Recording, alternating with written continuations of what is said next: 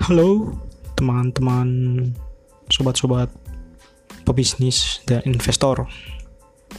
Uh, gua di sini Mr. Cuan.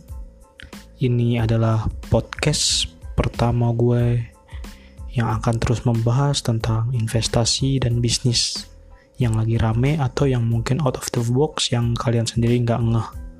Semoga aja kalian nggak ngeh biar gue kelihatan keren gitu sih. sosokan batuk biar keren. Ya.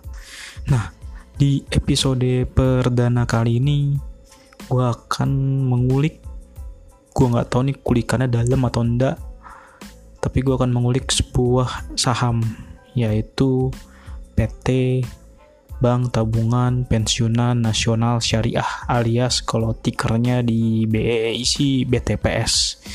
Nah, siapa yang dari kalian yang megang saham ini? Ayo. Siapa yang tahu kiprahnya BTPS kan kenapa kok gue milih BTPS sih gitu? Kalau gue searching searching sih BTPS ini untuk pekan ini menjadi top gainers nih kan? Atau teman-teman cuan. Padahal BTPS ini adalah bank syariah dengan levelnya bank umum kegiatan usaha satu alias yang modal intinya itu di bawah satu triliun atau level yang paling rendah lah kasta terendah gitu. Harga sahamnya tapi itu tinggi banget. Harga saham sampai akhir pekan lalu penutupan hari Jumat yaitu 4.890 per saham. Wow kills punya siapa sih BTPS ini? Oke okay. gua akan menarik lagi kisah BTPS ini sebelum di IPO bahkan sebelum dia menjadi BTPN Syariah. Awalnya BTPN Syariah ini adalah bank bernama PT Bank Sahabat Purba. Waktu itu uh, kabarnya uh, Bank Sahabat Purba ini dimiliki oleh TP Rahmat. Ayo, siapa yang tidak kenal TP Rahmat? Coba kalau yang masih belum kenal bisa searching-searching deh di googling deh siapa sih TP Rahmat. Pokoknya dia tuh salah satu Taipan di Indonesia dan dia lebih terkenal uh, punya perjalanan karir sih di Astra International Group. Walaupun setelah dari Astra dia membuat perusahaan mirip-mirip lah 11-12 dengan Astra yaitu Triputra gitu. Nah pada 2014 eh, Bank Sahabat Purba dan Harta ini 70% sahamnya diakuisisi oleh BTPN. Saat itu pemegang saham BTPN adalah TPG, TPG Nusantara ini. Siapa TPG Nusantara ini? Setelah diusut punya usut, TPG Nusantara ini adalah hmm, menantunya TP Rahmat yaitu Patrick Waluyo yang memiliki TPK Nusantara melalui North Star. Gitu. Ya jadi mungkin saja transaksi ini bisa dibilang terafiliasi atau enggak ya gue nggak tahu sih ya. Kalau melihat ini ada menantunya ini ada ini ya gue nggak tahu. Karena saat itu juga pada 2014 BTPN sendiri uh, sedang dalam proses uh, akui uh, penjualan saham. Jadi TPG menjual saham kepada bank ketiga terbesar di Jepang yaitu Sumitomo Mitsui, Mitsui Banking Corporation.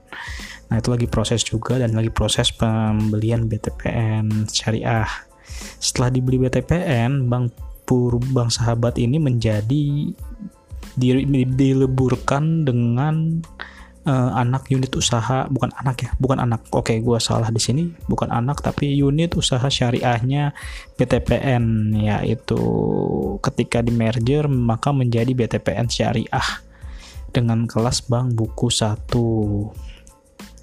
Nah setelah empat tahun diakuisisi sekitar empat tahun ya iya setelah empat tahun diakuisisi BTPN syariah ini akhirnya memutuskan untuk melantai di bursa Nah, melantai di bursanya BTPN Syariah ini makin melengkapi emiten-emiten bank syariah di Bursa Efek Indonesia.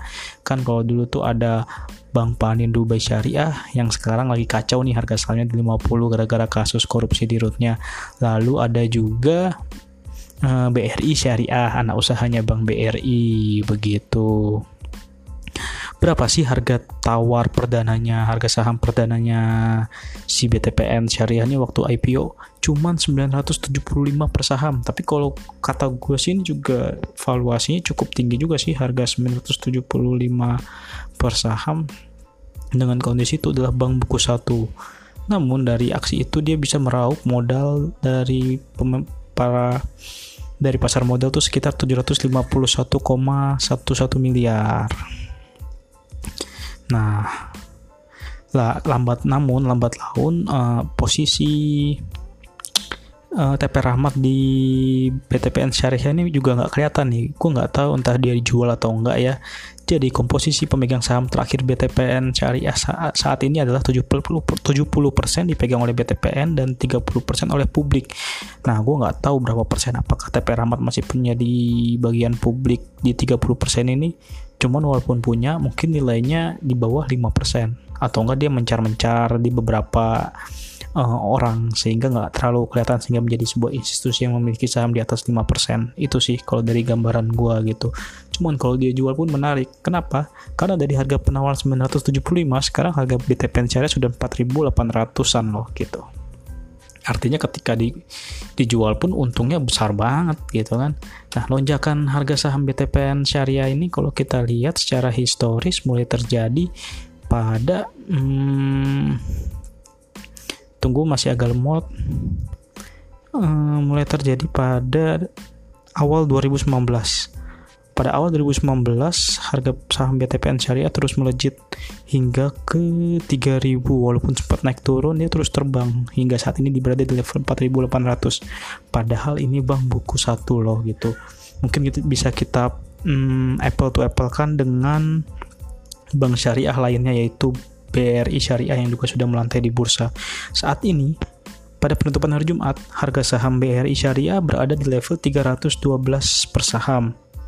Nah, berarti kan jomplang banget kan gitu. Padahal kalau dari segi kinerja gimana sih bedanya kalau kita lihat dari RTI ya?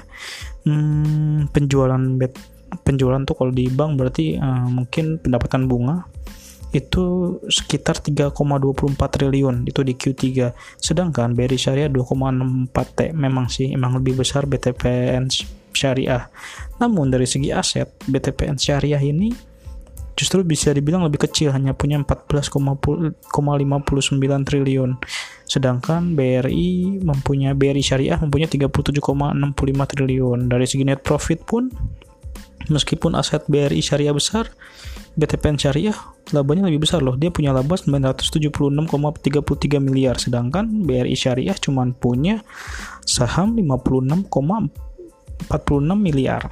Nah, tapi apakah benar memang layak walaupun dari segi ROA mungkin lebih baik BTPS ketimbang BRIS.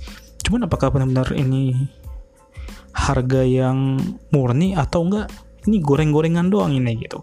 Apalagi sekarang lagi tren ngomongin gorengan setelah kasus Jiwasraya dan Asabri. Apalagi Jokowi juga sudah nyepet-nyepet agar Burs BI mulai merapikan sistem agar tidak ada lagi yang goreng-goreng saham.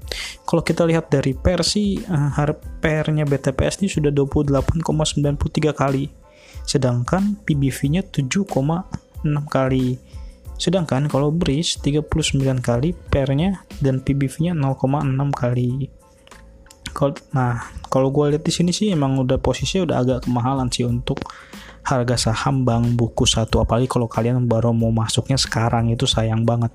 Karena titiknya sudah mulai penuh sudah mulai jenuh maksud gue sekarang sudah 4800 ini adalah titik tertinggi sepanjang di IPO artinya prospek ke depannya bisa jadi malah turun.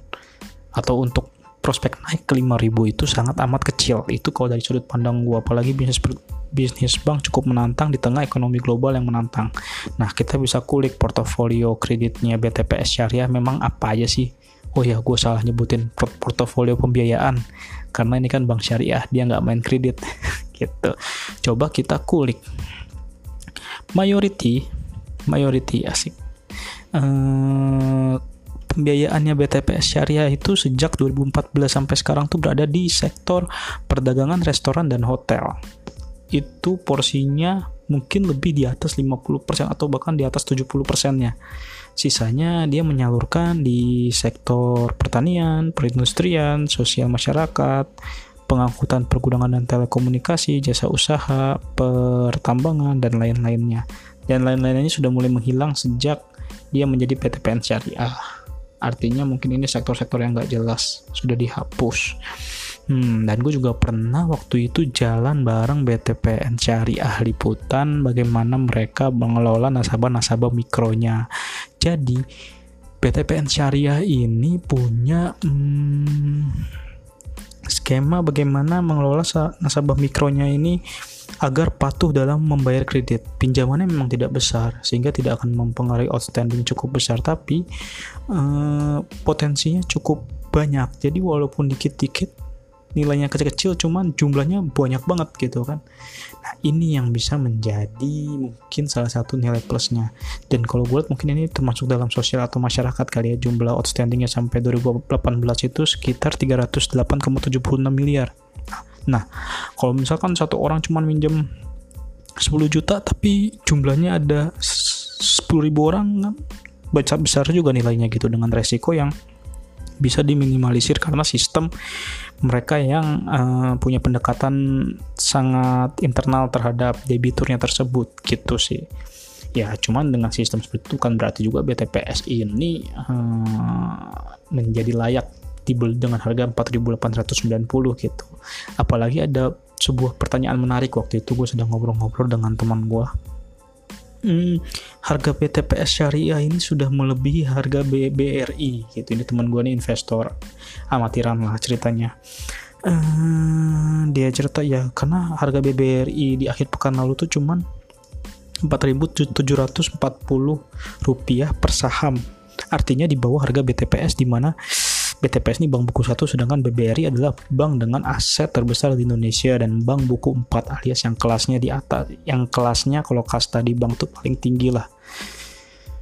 Bank buku 4 itu minimum punya modal inti di atas 30 miliar. Kalau nggak salah modal inti BRI itu udah seratusan miliar lebih lah gitu.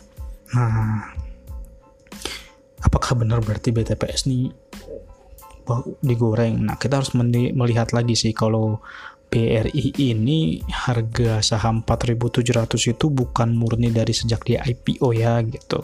Harga 4.700 ini berasal da sudah sudah berasal dari pemecahan nilai dua kali ya alias stock split sebanyak dua kali. Pada 2011 BBRI melakukan stock split satu banding dua, sedangkan pada 2017 BBRI melakukan stock split satu banding 5.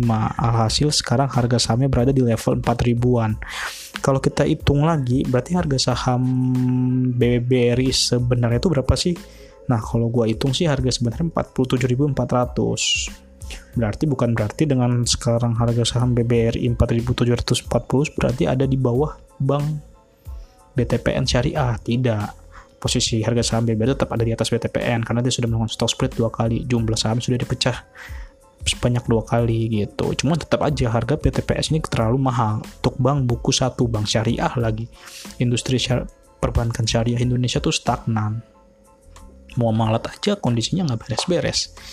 Itu masalahnya. Kita nggak tahu apa yang terjadi nanti gitu. Apalagi di tengah gonjang-ganjing ketidakpastian global bisa jadi saja uh, tingkat pembiayaan bermasalahnya malah meningkat nanti di kemudian hari. Apalagi setelah pergantian direksi atau semacamnya bisa saja kan nah resikonya terlalu tinggi sih kalau gue gitu cuman gue juga tidak bisa menjudge ini adalah permainan goreng-gorengan saham karena gue juga tidak punya bukti yang pasti harganya kemahalan untuk kalian beli nah itu aja sih kali ini bahasan dari Mr. Cuan mungkin nanti kita akan ngobrol-ngobrol lagi hal-hal lainnya yang lebih ke pengalaman atau lagi-lagi sosok anak analisis sok pinter ala gue gitu ya mungkin kalian kalau bisa kan kasih masukan kan bisa mm, follow IG kita di Mr. Cuan 99 ya kalau nggak salah nanti detailnya gue tulis di deskripsi deh kalian follow IG kita kalian bisa DM kami dan kasih masukan kami bagusnya seperti apa atau memang ada yang sudah bagus harus dipertahankan itu boleh dan kalian bisa dengarkan uh, podcast ini di Spotify di Breaker, Google Podcast, dan Radio Publik serta Anchor.fm itu sendiri. Oke, selamat malam, bye bye.